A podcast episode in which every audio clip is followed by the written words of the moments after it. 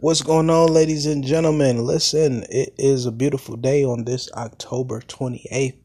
Um, I hope all is well with you. I don't know where you at, but from uh, where I'm sitting, I can see the view of the terrain, and it's beautiful. The sun is shining. It's a brisk day, uh, f- f- a very fall-like day. Um, and I hope all is well with you, and that everything that you're going through is okay. And if you're going through a dark moment, um, I just want to encourage you and tell you to hang on in there. For uh, dark seasons only last for a moment, and that you have the ability uh, to change your circumstance, and your circumstance externally will change for itself because seasons do change, moments do change. That um, it's just the law of life that I'm learning that what goes up must come down. What has a front has to have a back. Why am I saying all of that? If you're going through a down, stressful, uh, depressed time right now, uh, it has no uh, bearings on you. It will shift and change and turn for the better. So whatever your circumstances it is, is uh, it's okay to go through those feelings, go through those emotions, but understand that it will change. I just want to simply talk about uh, one's mindset and how we perceive things and how we begin to think and uh, the importance of feeding our minds good and positive things. It's good to so um we so digestive systems, diets. When you start to think about diets, um the diet a diet within itself says this. I want to intake something because I want to change the results of how I look.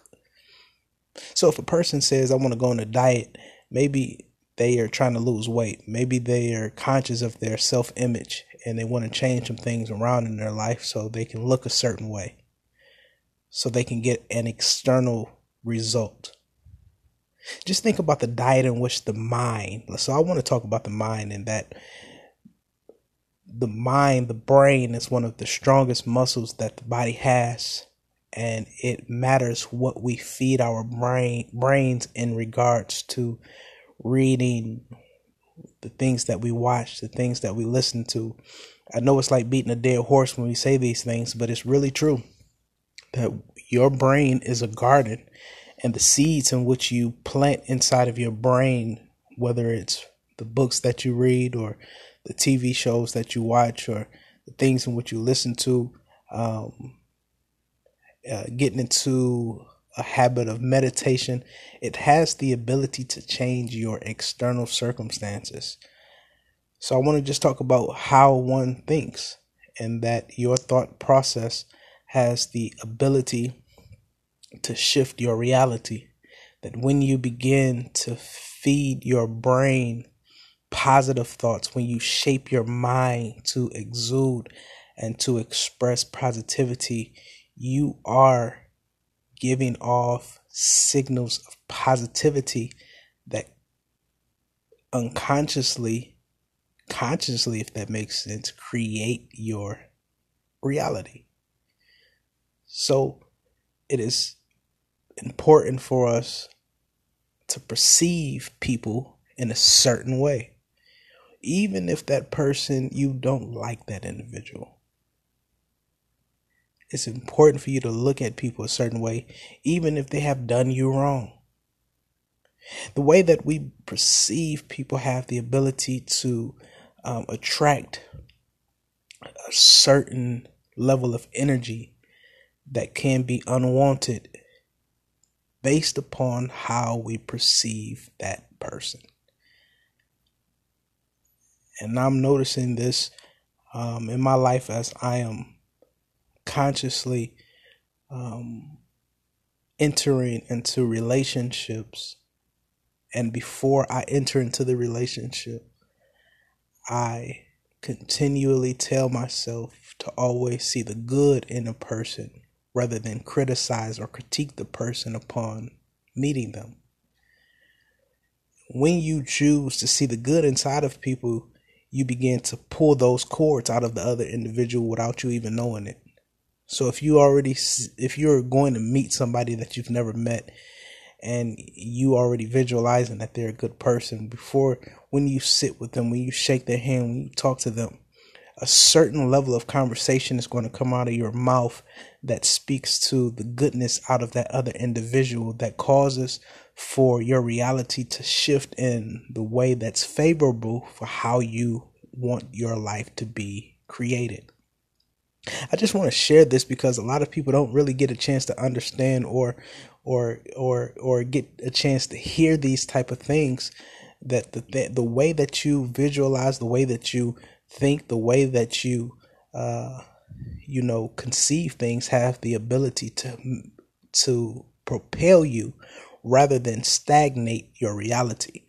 And the way in which we see things the way in which we view the way in which we perceive has uh, the propensity to shift where we are to create for us a better way of living.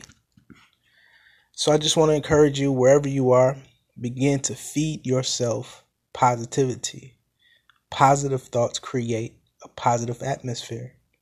When you have thoughts of courage, you start to step into limitless areas of life. You take risk. You you remove the boundaries. You move away from fear and worries and anxieties.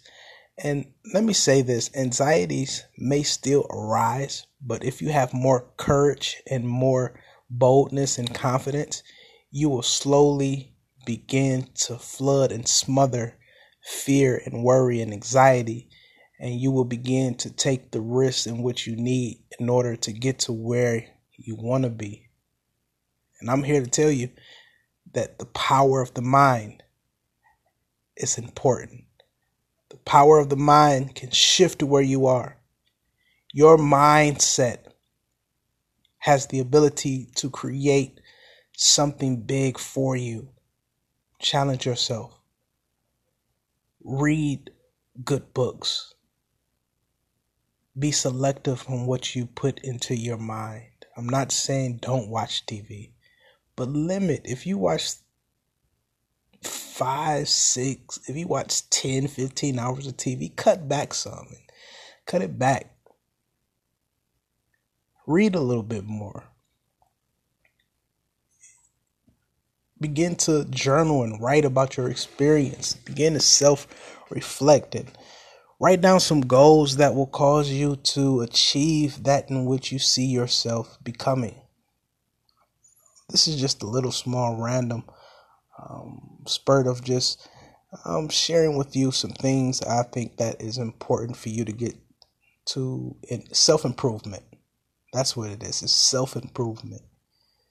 Let's step away from self affliction and move into self improvement. Self affliction is the things we do to poison ourselves, get overly, excessively intoxicated on on on on vices, on bad things, rather than self improvement, feeding our bodies the the right diet in order to create something that will cause us to uh, be challenged and to cause our realities to shift and become broader and better. So you have to dig deeper and go wider in order to walk into places that you never thought you could walk into, go into cities and states and that you've never thought you'd be able to go and shake hands with people and walk in rooms with people that you could never imagine because you have taken upon yourself to think harder, think smarter, to give your body the desire the the, the, the, the diet that it so desperately needs in order to